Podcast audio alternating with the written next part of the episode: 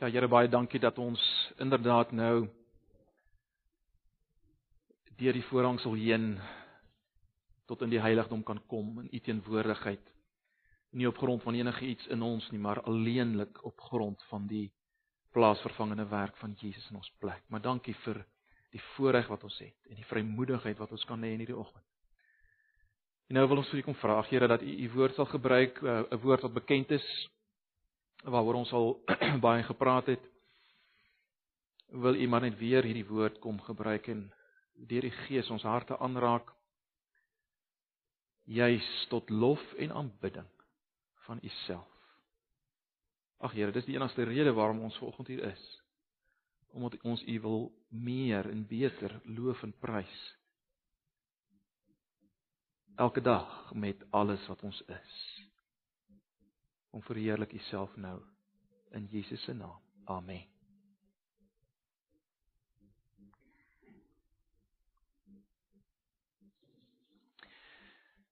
Nou ja, broers en susters, omdat dit nou vanoggend 'n um, 'n doopgeleentheid is, uh wyk ons af van ons uh, reeks in die boek Romeine. En ek wil hê ons moet vanoggend blaai na baie bekende gedeelte en ons het al hierna gekyk, ons het al hieroor gepraat uh sekerlik by by vorige doopgeleenthede.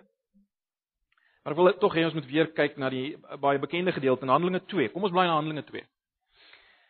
Nou Handelinge 2 is natuurlik die uh gebeure van die uitstorting van die Heilige Gees wat beskryf word en dan vanaf vers 14 ehm uh, verduidelik Petrus wat hier gebeur, is eintlik 'n preek wat hy gee.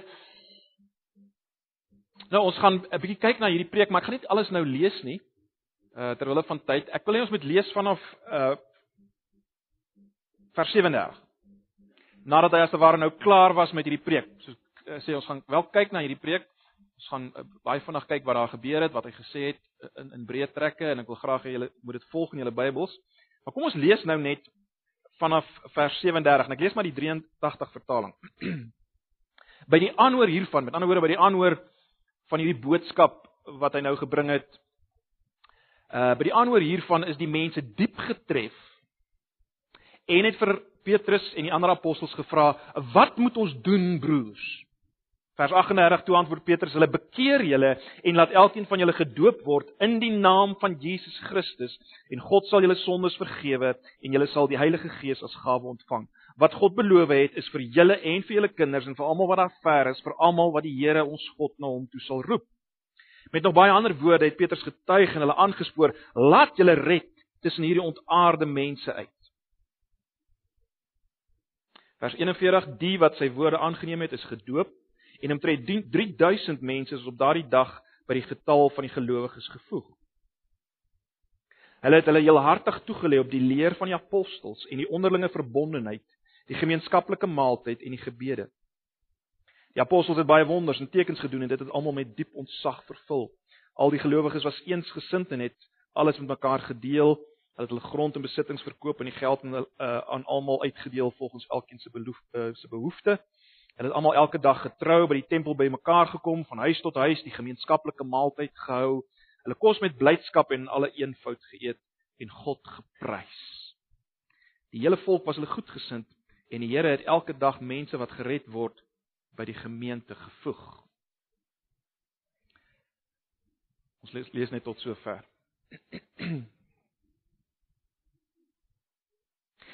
Nou broers en susters, wanneer dit kom uh, by die doop, dink ek daar's veral twee gevare, twee groot gevare waarin 'n mens kan val. En ek praat nou veral binne ons eie geleedere. Uh, met ander woorde, kom ons sê binne mense wat uh glo aan die belydenisdoop, die doop van volwassenes. Daar's veral twee gevare waarin mense kan val en uh jy kan jou dalk vanoggend in een van hierdie twee kategorieë bevind. Uh aan die een kant is daar die mense wat te veel maak van die doop. En aan die ander kant is daar die wat te min maak van die doop. Die wat te veel maak van die doop is hulle wat dink dat die die doop is iets redelik bonatuurliks, so 'n bietjie van 'n magic as ek dit so kan stel.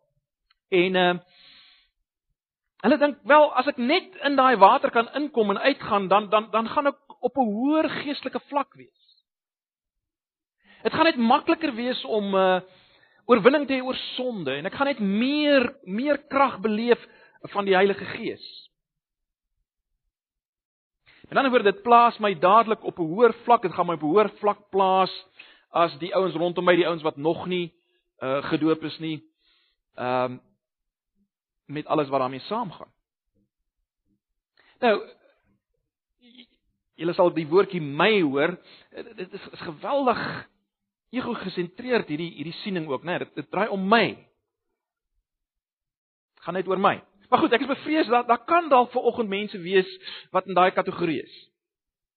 Ek dink die doop is so iets wat jou net uitlig en op 'n hoër vlak plaas onmiddellik.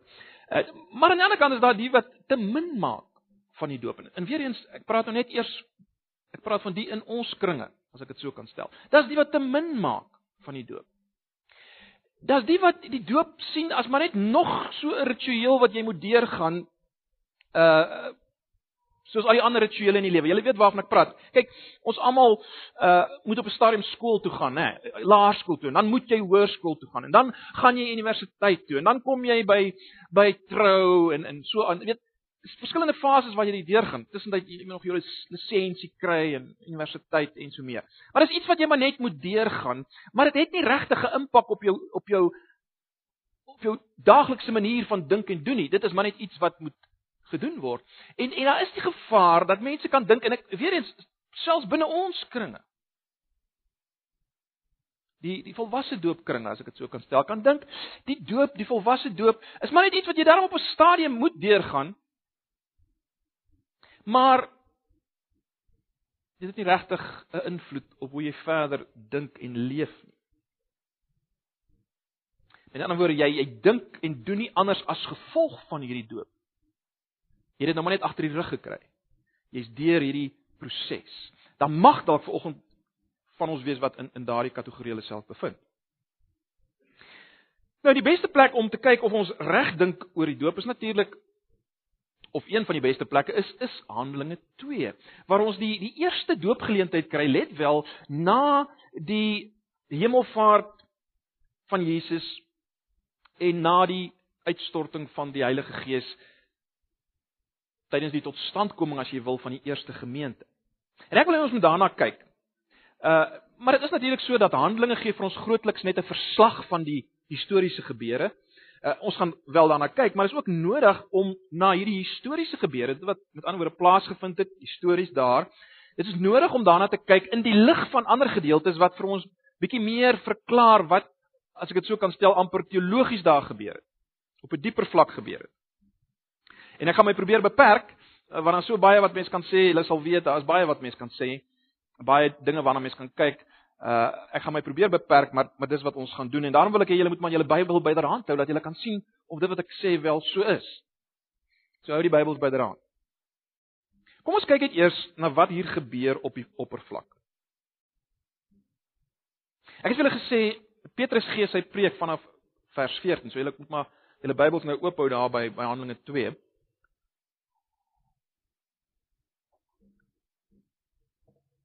Dit is nou na die uitstorting van die Heilige Gees met alles wat daar daarmee saamgegaan het, nê. Nee, dis na die uitstorting van die Heilige Gees en Petrus gee dan vanaf vers 14 tot 21 hierdie uh, preek van hom.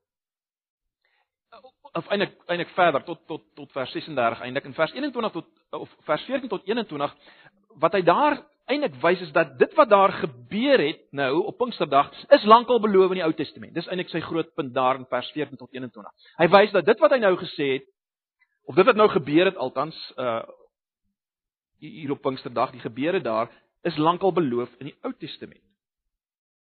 Dan in vers 22 herinner hy hulle daaraan dat hulle wat nou daar is, hulle weet van Jesus. Hulle weet dat Jesus allerlei wonders en tekens gedoen het. Hulle weet daarvan sê. Dis vers 22. In vers 23 wys hy dat Jesus se kruisiging deur God bepaal is. Maar dan oor Jesus se kruisiging was nie 'n ongeluk nie. Was nie 'n nagedagte nie. Hy sê die hierdie dood van Jesus vers 23 sê is is deur God bepaal, maar terselfdertyd wys hy dat hulle staan skuldig daaraan. Baie interessant. Met ander woorde, of hulle dit wil weet of nie, hulle was betrokke by sy kruisiging. Dis wat hy sê ook in vers 23. Hulle staan skuldig. Dan vanaf vers 23 en verder kom wys Petrus wie is hierdie Jesus? Wie is hierdie Jesus? Baie belangrik. Hy wys hierdie Jesus is die Christus, dit wil sê die gesalfde een van God, die nuwe Dawid. Hy maak dit nogal baie duidelik. Hy's die nuwe Dawid wat sy troon bestyg het met die hemelvaart.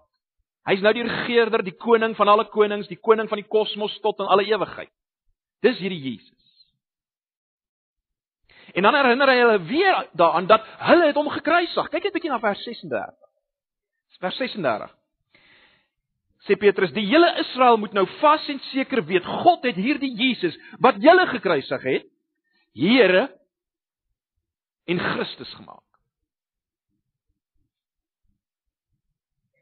Ja die woord Here dui daarop dat Jesus is God, nê, nee, net soos God in die Ou Testament God is. Hy is die groot ek is en hy is Christus, hy is die gesalfde koning. Maar baie belangrik, julle het hom gekruisig en God het hom nou Here en Christus gemaak.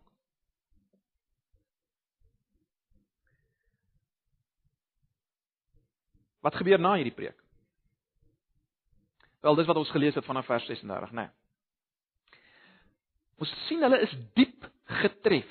Hulle is diep getref. Met ander woorde, hulle is geraak binne in hulle. Met ander woorde, dit was nie maar net nog 'n ou wat gepraat het dat jy wag dat hy moet klaar kry met wat hy gesê het nie, uh, soos mense dikwels 'n uh, preke beleef nie. Uh nee.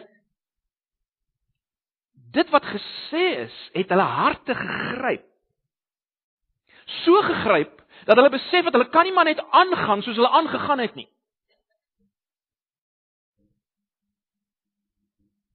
Met ander woorde, na hierdie preek kan hulle nie aangaan soos hulle voor hierdie preek aangegaan het. Dis wat hier gebeur het.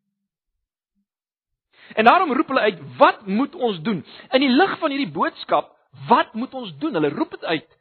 Uh vir Petrus en die apostels, hulle vra dit as te ware, hulle roep dit uit, wat moet ons doen? Kom ons dink net vir 'n oomblik, waarom is hulle so diep getref?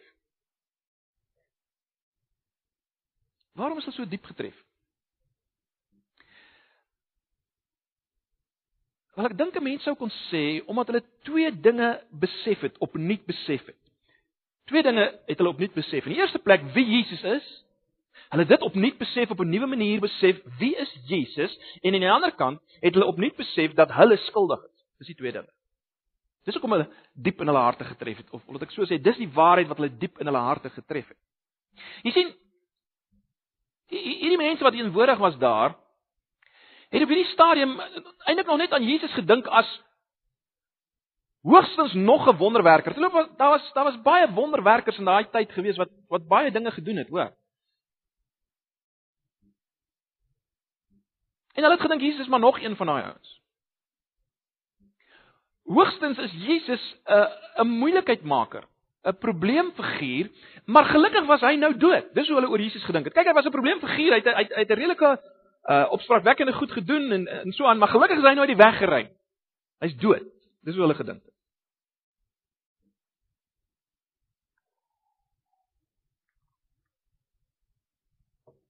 Want natuurlik het hy hom gelykgestel aan God en dit was vir hulle onaanvaarbaar. Maar goed, hy hy's nou dood. Hy's uit die weg met hierdie hierdie probleemfiguur. Maar nou by hierdie tydens hierdie preek het hulle gehoor en let wel, hulle is oortuig deur die Heilige Gees in verband met hierdie Jesus. Hulle is nou oortuig dat hy die koning van die heelal is. Dat hy self God is, God se seun, gelyk aan God. Hy's die gesalfde. Hy's die een wat wat verwag is in die Ou Testament. God wat mens geword. Hy's die belangrikste figuur in die heelal en let wel hy leef, hy's nie dood nie. Hulle tot daardie oortuiging gekom dat hy leef. Hy hy's 'n realiteit. Hy leef. En meer as dit, hulle het oortuig geword van die feit dat dit hulle was. Ja, al was dit nie fisies hulle eie hande wat Jesus vasgespijker het nie, maar hulle het tot die oortuiging gekom dat dit hulle was wat verantwoordelik is vir sy dood. vir sy kruisiging. Dit was dis waaroor hulle oortuig is. En verseker is dit nie 'n ligtelike saak vir God nie. So so in die lig van dit, wat moet ons doen? Wel die opdrag is duidelik. Is dit nie? Bekeer julle. Vers 38. Bekeer julle. En laat elkeen van julle gedoop word in die naam van Jesus Christus. En God sal julle sondes vergewe en julle sal die Heilige Gees as gawes ontvang. So wat sê Petrus hier? Hy sê in die eerste plek bekeer julle en nou, ons het nou al baie van mekaar gesê die woord bekeer, die woord metanoia beteken letterlik verander julle denke sodat julle gedrag kan verander. Dit dis wat julle moet in die eerste plek moet doen. Verander julle denke, dink anders. Julle het op 'n sekere manier tot nou toe gedink oor wie Jesus is, oor waar julle staan in verhouding met God. Julle het op 'n sekere manier gedink, dink nou anders. Metanoia, bekeer, dink anders. Dink anders oor Jesus en oor julle eie toestand. Ek meen julle is skuldig aan hoogverraad teen God se seun. En julle het hierdie hoogste figuur in die heelal nodig om julle te red. Dis wat julle nodig het. Julle het nodig dat hierdie figuur julle red. Daarom laat julle gedoop word vers 38 en uh laat julle red. Die 83 vertaling sê laat julle red tussen hierdie ontaarde mense uit. Uit hierdie ontaarde geslag sê die 53 vertaling. Nou is die vraag wat op aarde gaan hier aan? Hoe hoekom hierdie oproep? Waarom moes hulle gedoop word? Letterlik onderdompel word. Dis die dis die woord wat hier gebruik word, né? Nee, daar's twee woorde in Grieks, een vir onderdompel en een vir besprinkel. Die woord onderdompel word hier gebruik. Uh Waarom dit?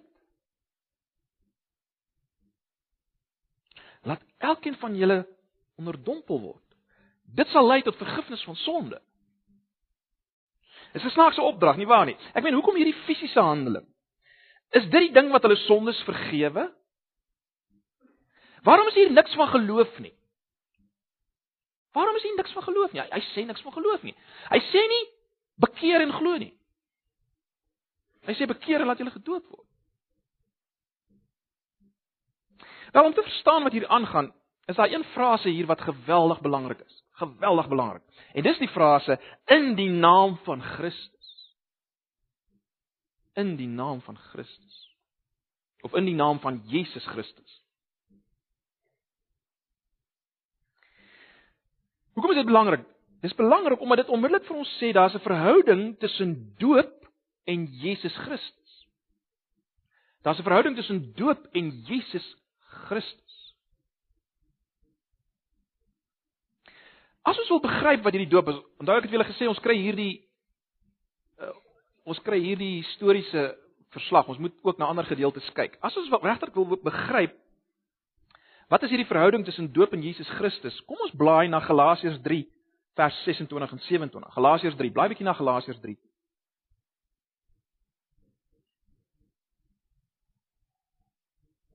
Galasiërs 3 vers 26 en 27. Ek lees die 83 vertaling. Ons kry hier 'n baie fundamentele stelling omtrent die doop.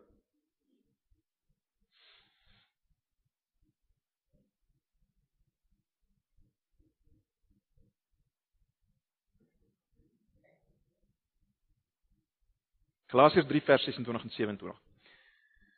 Dis Paulus wat hy skryf en hy sê deur hierdie geloof in Christus Jesus is julle almal nou kinders van God.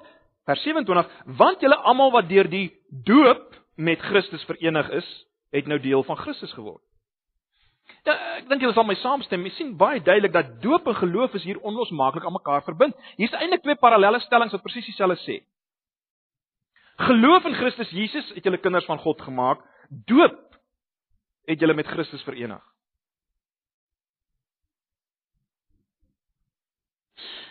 En as gevolg van hierdie onlosmaaklike verbintenis gebruik Petrus in Handelinge nie eers die term geloof nie. Want jy sien, bekering, 'n verandering van denke omtrent wie Jesus is en 'n verandering oor de, van denke oor jouself kan nie anders as om verbind te wees met 'n geloof in hierdie Jesus wat jy nou raak gesien het nie. 'n Geloof, 'n oortuiging in die feit dat hy alleen kan jou red uit jou toestand. En die doop is niks anders as die sigbare vorm van hierdie geloof nie. Die doop is niks anders as die sigbare vorm van hierdie geloof nie. Of geloof in sigbare vorm. Met ander woorde, die doop wys dat jy oortuig is dat net son, dat net Jesus kan sonde vergewe en jou red.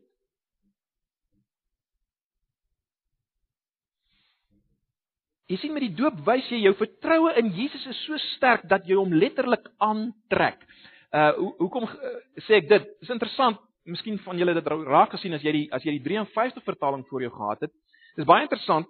Uh Galasiërs 3 vers 27 in die 83 vertaling sê dat ons met Christus verenig is deur die doop. Maar luister wat sê die letterlike vertaling soos dit in die 53 na vore kom. Julle is met Christus, dit wil sê Jesus die Here, die gesalfde beklee. Deur die doop is julle beklee met Jesus Christus. Julle het hom aangetrek. Julle het hom aangetrek. Uh dis hoe sterk jou vertroue is. Jy trek letterlik Jesus aan. Waarom gebruik Paulus in die letterlike vertaling hierdie term beklee? Julle het julle beklee met Christus Jesus. Julle het Christus aangetrek. Omdat die die beeld van uittrek en aantrek is 'n sterk beeld wat vanuit die Ou Testament kom om te wys op 'n transformasie van gedrag.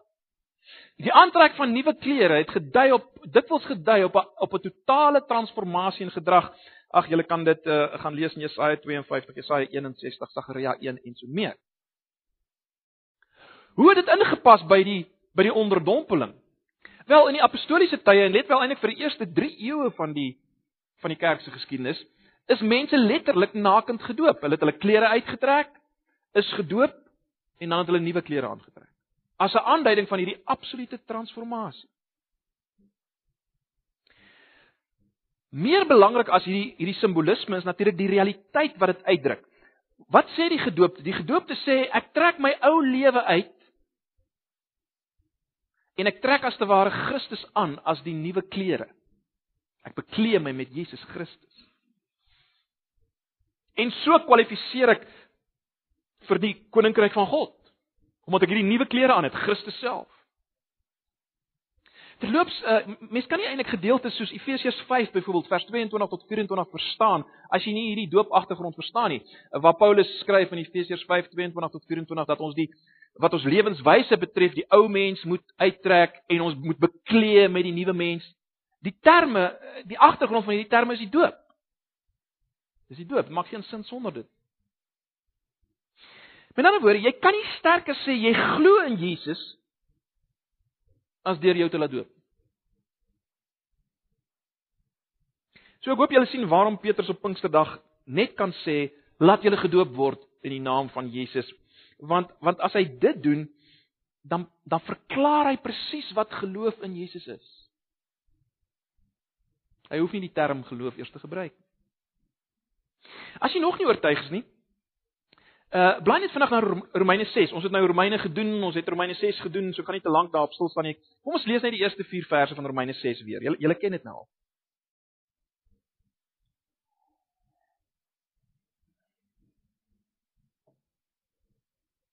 Paulus reageer op wat hy gesê het in hoofstuk 5 uh dat waar sonde ge, uh, meer geword het, het genade meer geword. En dan sê hy in vers 1 van hoofstuk hoofstuk 6 Wat moet ons nou hiervan sê? Moet ons aanhou sonde doen sodat die genade kan toeneem? Beslis nie. Hoe kan ons wat dood is vir die sonde nog daarin voortlewe?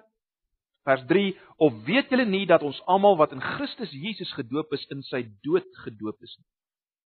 Deur die doop is ons immer saam met hom in sy dood begrawe sodat soos Christus deur die wonderbaarlike magstaat van die Vader uit die dood opgewek is, ons ook so 'n nuwe lewe kan lei. Wat Paulus sê in kort is dat Die ou mens wat ons was, die ou mens in Adam onder God se oordeel, uit God se perspektief het daardie mens gesterf toe ons tot geloof gekom het. Uit God se perspektief en uit God se perspektief is ons saam met Jesus opgewek. En wat is die doop? Wel die doop is die bewys daarvan. Die doop is die sigbare sê daarvan, van dit wat gebeur het. Dit wat gebeur het uit God se perspektief dat die ou mens het gesterf mens wat ons was, 'n nuwe mens het opgestaan. Die doop sê dit sigbaar. Daar's nog 'n gedeelte wat ek wil hê ons moet vinnig na kyk, 'n baie belangrike gedeelte, en dis Kolossense 2 vers 11 en 12. Kolossense 2 vers 11 en 12. Bly gou na Kolossense. Belangrik dat ons dit sal sien. Kolossense 2 vers 11 en 12.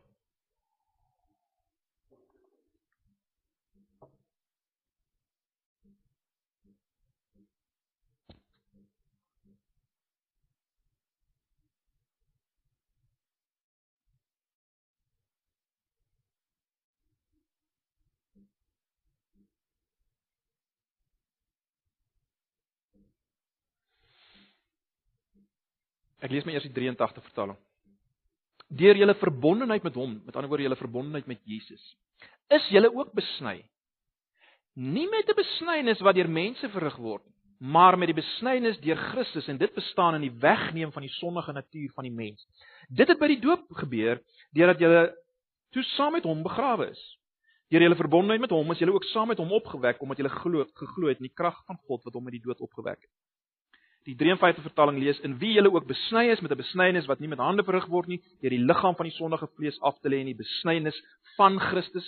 So dit op een plek word geplaas van die besnyning deur Christus en die een plek van die besnyning van Christus vers 12 in die 53 vertaling sê omdat julle saam met hom begrawe is in die doop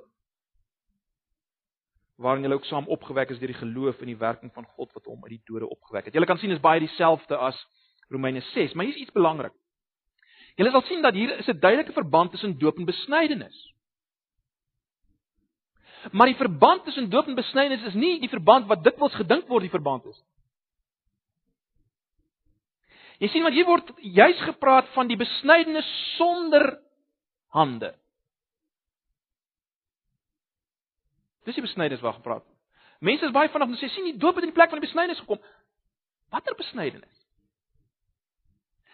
Dit word doelbewus gesê, direk gesê, julle is besny, maar julle is besny met die besnyne sonder hande.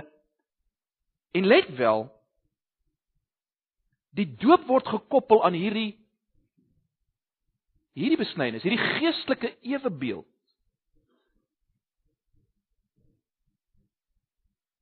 Hierdie geestelike besnyning. Doop word gekoppel aan hierdie besnyning. So wat is die Nuwe Testamentiese ewebeeld van die Ou Testamentiese besnyning? Wat is dit? Wel, die antwoord is dis nie die Nuwe Testamentiese ritueel van die doop nie.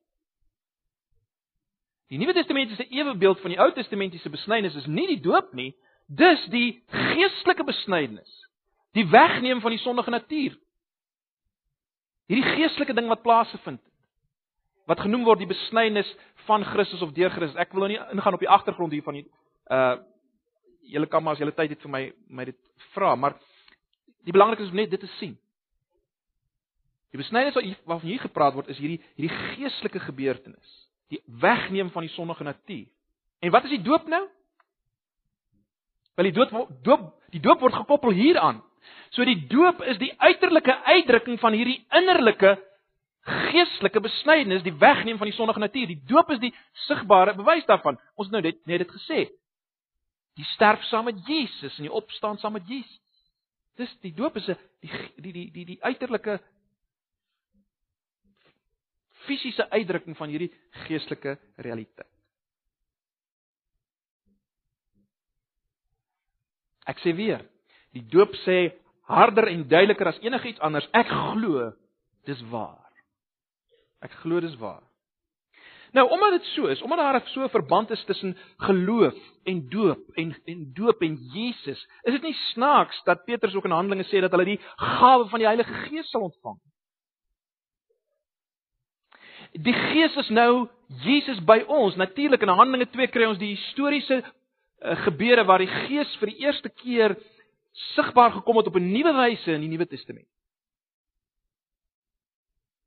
As te ware vir almal daar is. Maar baie belangrik.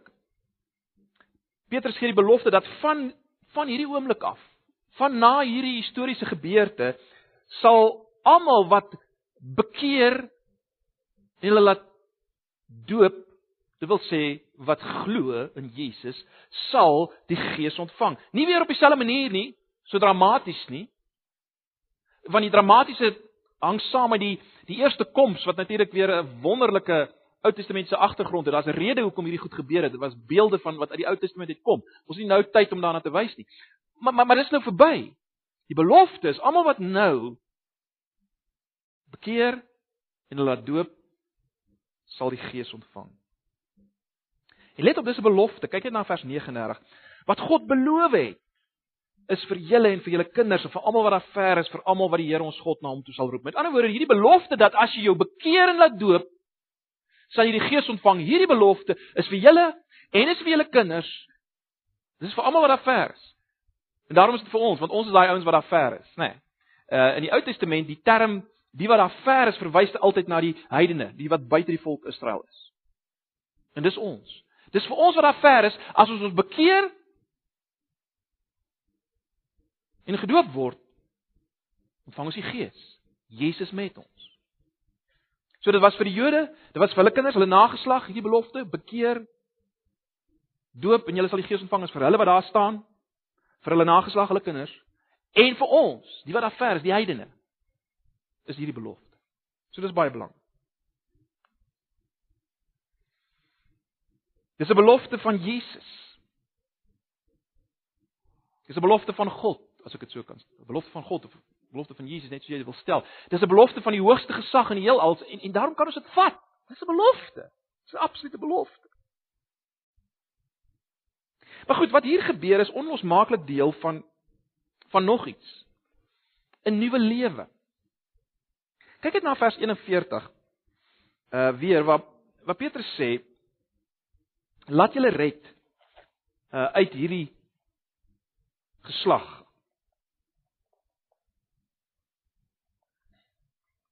Vertalings vertaal dit verskillend. Verkeerde geslag, ontaarde geslag wat dit ook al mag wees. Dis baie belangrik.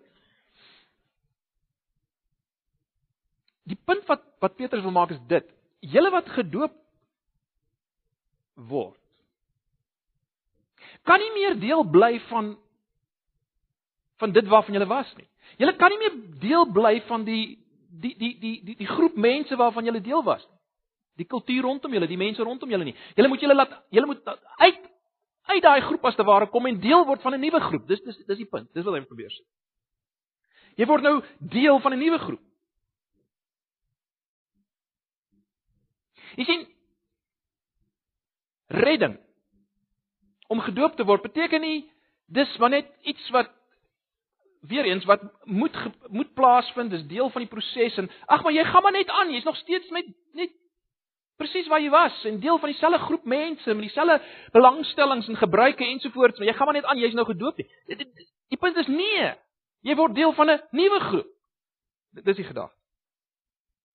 Ons ons weet dat die die die eh, die kinders van die Here, die gelowiges word in die res van die Nuwe Testament genoem die liggaam van Jesus. En daarom jy kan nie deur die doop sê word deel van Jesus maar jy word nie deel van die liggaam van Jesus sy kinders nie. Sigbaar nie.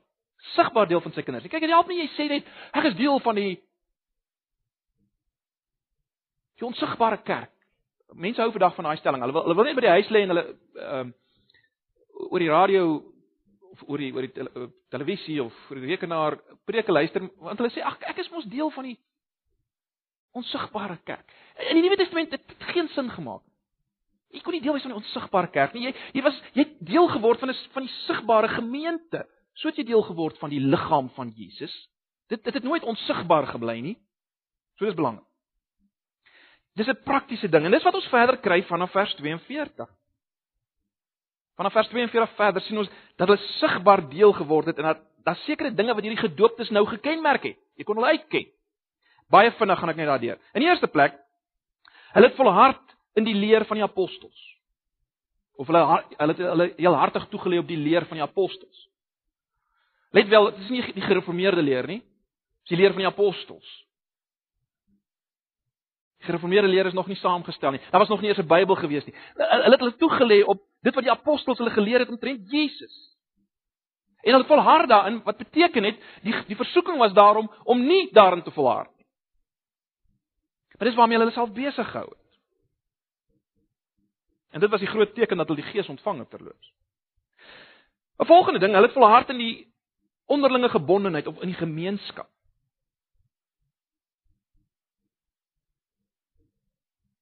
Hulle het volhard daarin om bymekaar te kom saam met ander gelowiges, hierdie ouens wat gedoop is. Want jy sien jy kan nie op jou eie aangaan nie, want jy's nou deel van 'n nuwe liggaam. So sou dit nie op hulle eie aangegaan het. Dis 'n logiese teenstrydigheid om te sê ek behoort aan Jesus, maar ek behoort nie aan 'n gemeente. Dit, dit, is 'n logiese teenstrydigheid. Bybels gesproke. So hulle volhard in die gemeenskap, die onderlinge gebondenheid. 'n Volgende ding waaraan hulle volhard het, is die breek van die brood. Dis die nagmaal. Hoekom? Want dit het hulle geloof versterk in die feit dat hulle deel het aan dit wat Jesus vir hulle gedoen het in hulle plek. Hulle moes versterk word daarin want ons weet ons is geneig om dit te vergeet. Dit dit raak vaag, ons raak onseker en die nagmaal is daarin daar om ons weer en weer te versterk en daarom is dit so belangrik om die nagmaal by te woon. Om versterk te word saam met broers en susters in die geloof. Ek ek kan nou baie daaroor uitbrei, maar kom ons los dit daar. Dit is 'n volgende ding wat hulle gekenmerk het. En dan het hulle volhard in die gebed. Waarom gebed? Want die persoon wat gedoop is, weet ek kan niks doen sonder Jesus nie. Gebed druk my afhanklikheid uit van hom en daarom gedoopte mense is biddende mense.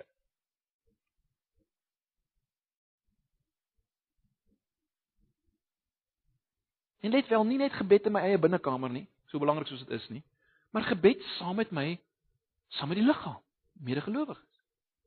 Dit het dit het hierdie eerste ouens gekenmerk en dit behoort ons steeds te kenmerk.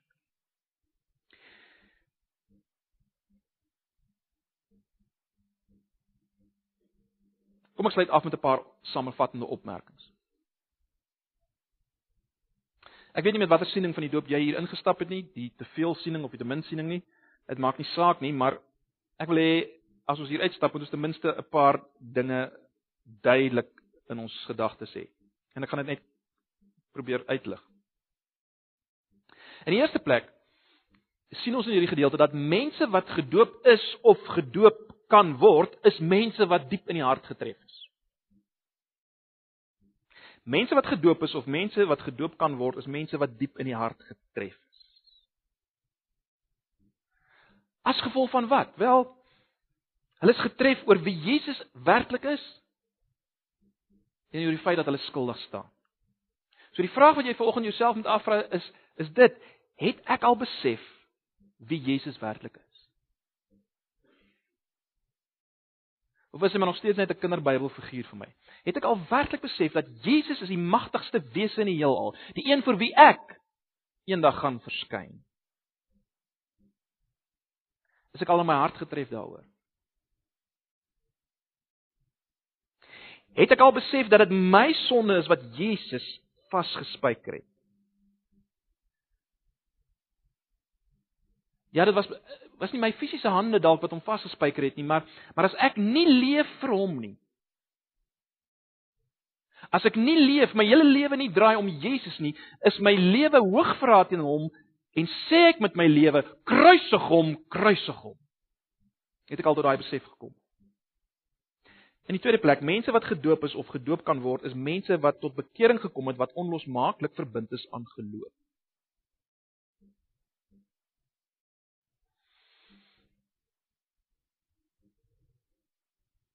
Met ander woorde, het hierdie nuwe manier van dink oor Jesus en en my toestand gemaak dat ek omdraai, doelbewus wegdraai van van bewustelike sonde, bewustelike dinge wat die Here bedroef. Het het dit 'n draai in my veroorsaak?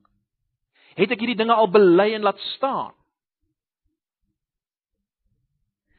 Het ek al weggedraai van my eie geregtigheid? Dis miskien die belangrikste vraag veral in ons kringe. Het ek al weggedraai van my eie geregtigheid? Dit waarvan Paulus praat in Filippense 3 as hy sê, dit wat ek eers gedink het vreeslik waardevol is, beskou ek nou as drek ter wille van die ken van Jesus. Jy sien, jy moet kom by daai punt wat jy besef dat dat my groot probleem is nie net die verkeerde dinge wat ek gedoen het nie. Dis nie my grootste probleem nie. My grootste probleem is eintlik die feit dat ek myself probeer red. Dat ek dink ek kan self dit maak. Dis my grootste probleem. Het jy al weggedraai van jou eie geregtigheid?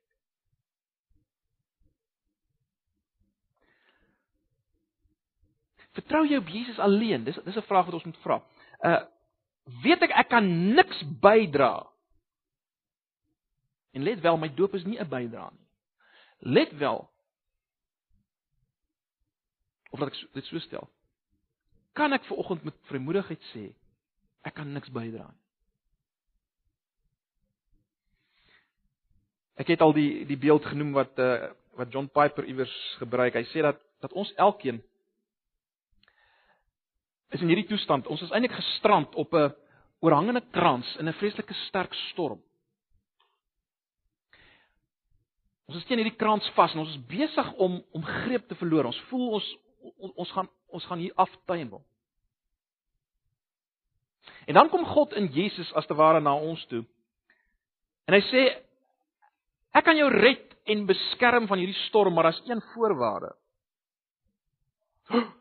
In jou hart sink. Want jy kan omtrent nie eers jou jou lippe beweeg om iets te sê nie, dan gaan jy afval. Daar's niks wat jy kan doen nie. Daar's geen voorwaarde waaraan jy kan voldoen nie. Wat is dit? Wat verwag jy? En jy Jy's amper paniekerig want want jy voel jy's besig om af te gly.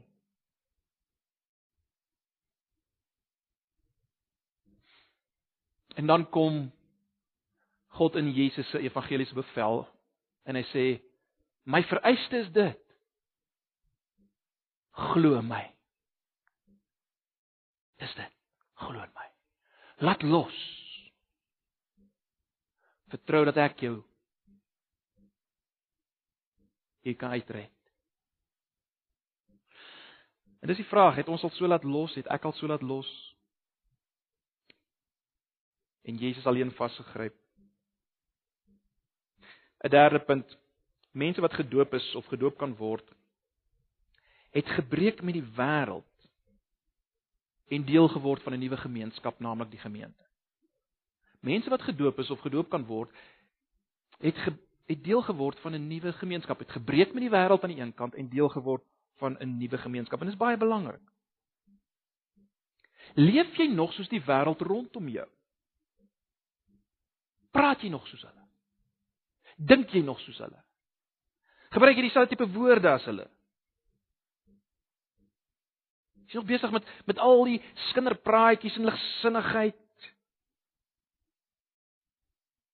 Die lewe wat net draai rondom nog geld en nog geld en alles wat daarmee saamgaan. Is jy nog deel van daai hele of is jy deel van 'n nuwe gemeenskap? Gemeenskap van mense wat mekaar liefhet en mekaar sorg en saam die tekens gebruik. Vir wie dit prioriteit is om saam met medebroers en susters te verkeer en besig te wees met die dinge van die koninkryk. Is jy besig is is jy deel van hierdie nuwe gemeenskap? So. Mense wat gedoop is of gedoop kan word as ek dit so kan stel, is is mense van wie dit waar is. Wie dit waar is wat nou deel is van 'n nuwe gemeenskap en nie meer deel is van die wêreld nie. Ag, jy sal weet waar jy jouself vanoggend bevind. Ehm um, Jy sal weet of jy te veel maak van die doop en of jy te min maak van die doop. Mag die Here vir ons elkeen duidelikheid gee. Wat 'n wonderlike voorreg om ver oggend getuie te wees van van twee mense wat wat gedoop gaan word. En mag die Here ons versterk op deur deur hulle doop en en deur wat hulle ook vir ons gaan sê. Ehm uh, mag die Here dit werklik op 'n wonderlike manier gebruik. Kom ons bid net saam en dan gaan ek uh, vir hulle geleentheid gee om net kortliks uh, iets met julle te deel. Here baie dankie vir u woord. Dankie vir die vir die doop.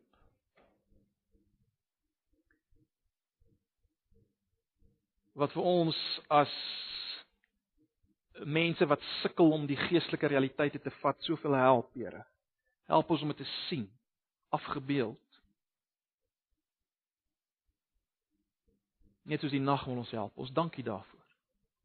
Nag Here, ek wil bid dat U dit ook nou sal gebruik om ons elkeen se geloof opnuut te versterk in dit wat U vir ons gedoen het. Dat ons maar net nog meer sal vashou aan U en U alleen. Asseblief. Ons vra dit net in Jesus se naam. Amen.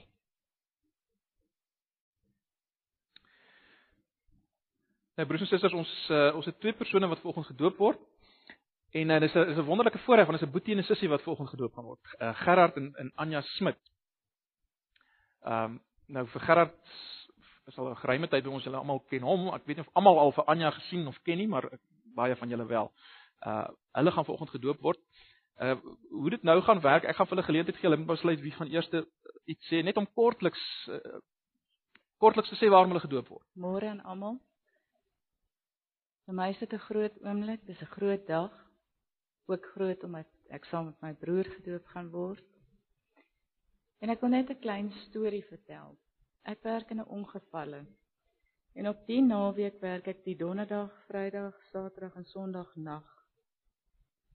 En ek sien drie drie plaasaanvalle, sewe verkrachtings. 'n Kind van 5 jaar wat uit 'n bordeel gered word waar 'n misbruik is. En ek ry die maandagooggend terug huis toe.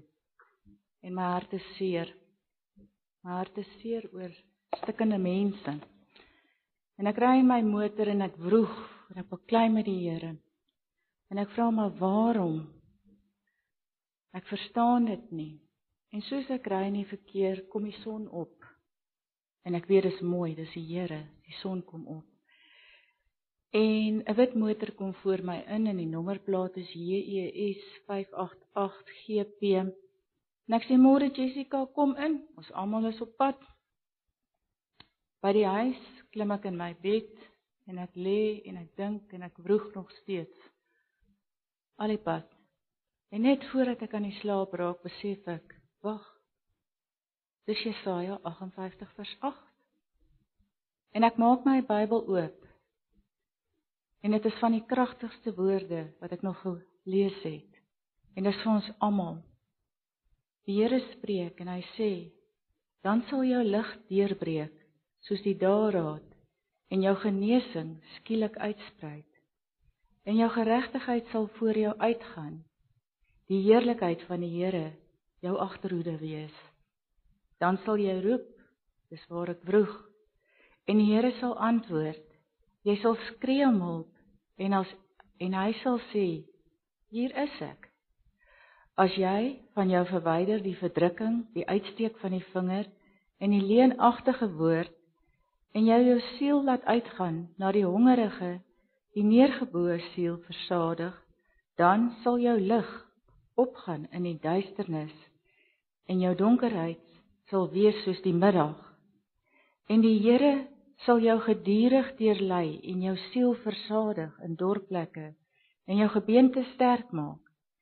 En jy sal wees soos 'n tuin wat goed besproei is en soos 'n fontein van waters waarvan die water nooit teleurstel nie. Dan sal jy jou verlustig in die Here en hy sal jou laat ry oor die hoogtes van die aarde en jou laat geniet die erfdeel van jou vader Jakob want die mond van die Here het dit gespreek. En die Here is so kragtig en het in ons harte gewerk om ons vandag hiernatoe te bring met sy kragtige beloftes En ek hoop om saam met julle in hierdie beloftes vorentoe te mag gaan en altyd so te mag lewe. Dankie. Goeiemôre gemeente. Waar sal mens begin? Ek kan my hele lewensverhaal in detail vertel, maar baie van julle ken my al redelik goed. Vanoggend wil ek nie in detail fokus op myself nie, maar op 'n paar aspekte van Christendom wat my na in die hart lê. Ek het opgegroei in 'n Christelike huis. Elke Sondag het ons tweemaal kerk toe gegaan, 'n gereformeerde kerk. Weekliks katedrese klasse bygewoon en 'n geweldige Bybelkennis opgetel deur die jare. Later jare weekliks jeugbyeenkomste gehad waar ons intense Bybelstudie gedoen het. Baie tyd gespandeer op wat die regte en die verkeerde lering is. Ek het belydenis van geloof afgelê Ek is dankbaar vir die geweldige kennis wat ek kon opdoen, op, opdoen. Op 'n stadium is ek 4 jaar Engeland toe vir my studies. Dit was 'n uitdagende fase van my lewe. Ewe skielik was ek weg uit my bekende omgewing. My ou kerk was was nie meer daar nie. Wat nou gemaak? Skakel ek in by 'n kerk wat amper die regte lering het? In die begin het ek Sondag die trein opgevat Londen toe om Canada Water Church by te woon. Dis 'n kerk wat in Londen gestig is deur die gereformeerde kerk Randburg. Ek was in Southampton gewees. 3 ure van stap, bus en treinry op 'n Sondag net om daar uit te kom. Dit was nie volhoubaar nie. By ou einde het ek by Springright Evangelical Church opgeëindig in Southampton. Op papier nie so seer die regte kerk nie. Maar in hierdie klein gemeentetjie het ek geleer wat die gemeenskap van die heiliges beteken. wat uitreiking na mekaar beteken. Ek is gekonfronteer met wat Christendom werklik op grondvlak beteken. Nie diep teologiese leringe nie. Wat beteken dit om werklik vanuit jou Christendom te te te um, leef? Daar was baie gebrokenheid in die gemeente. Maar die werking van die Heilige Gees was teenwoordig. Hier het ek besef dat ek van Christendom 'n baie komplekse saak gemaak het. Ek het in plaas van glo en jy sal gered word, die volgende tussenstappe bygesit.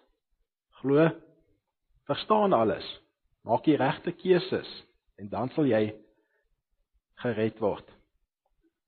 Christendom is baie eenvoudig. Totale oorgawe. Baie eenvoudig, maar glad nie maklik nie.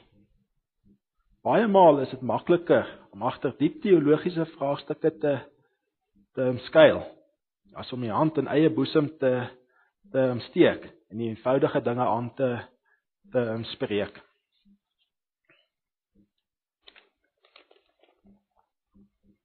In Matteus 22 vers 34 tot 40 staan die volgende: En toe die Fariseërs hoor dat hy die Sadduseërs die mond gestop het, het hulle almal saam vergader. En een van hulle, 'n wetgeleerde, het 'n vraag gestel om hom te versoek en gesê: "Meester, wat is die groot gebod in die wet?" En Jesus antwoord hom: "Jy moet die Here jou God lief hê met jou hele hart en met jou hele siel, met jou hele verstand. Dit is die eerste en groot gebod. En die tweede wat hiermee gelyk staan, jy moet jou naaste lief hê soos jouself." Aan hierdie twee gebooie hang die hele wet en die profete. So eenvoudig soos dit. Ek wil nie kerklike leringe afwater nie. Dit is baie belangrik. Die gevaar is egter om daarin verstrik te raak en die essensie van Christendom te verloor in die proses. Ek het lank gestoei met kinderdoop en geloofsdoop. Jakobus weet hoe dik my leer met literatuur daaroor is. 'n Moeilike onderwerp een waarmee mens maklik verlore kan raak. Om dit logies uit te klaar is nie 'n eenvoudige taak nie. Om al die verbonde regte interpreteer. Hoe interpreteer mens dit as mens weer afvallig word? Hoe werk jy uit verkiesing? 'n Mens kan 'n leeftyd hierop spandeer. Dit is goed om tyd hierop te spandeer. Maar is dit 'n voorvereiste vir Christendom? Maak ons dinge nie baie meer kompleks as wat dit is nie. Wat vra God van ons?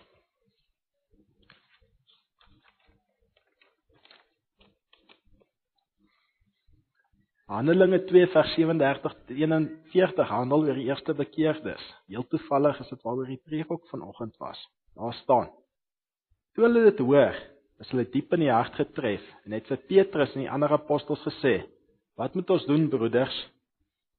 En Petrus sê vir hulle: "Bekeer julle, laat elkeen van julle gedoop word in die naam van Jesus Christus tot vergifnis van sondes, en julle sal die gawe van die Heilige Gees ontvang. Want die belofte kom julle toe en julle kinders en almal wat daar ver is, die wat die Here ons God naam sal roep." En met baie ander woorde het hulle het hulle be be, be besweer en vermaan en gesê: Laat julle red uit hierdie verkeerde geslag. Die wat toe sy woord aangeneem het, is gedoop en daar is op die dag omtrent 3000 siele toegebring. Moet ons net na God luister en hom opneem op sy beloftes en sy wil volg nie? Ek is dankbaar teenoor God met die pad wat hy met my as sondige mens ge ge ge gestap het. Ek is dankbaar dat ek vandag gedoop mag word dat ek op sy redding kan staatmaak en nie op myself hoef te te te steun nie. Laat ons nooit die geloof meer kompleks maak as wat dit werklik is nie.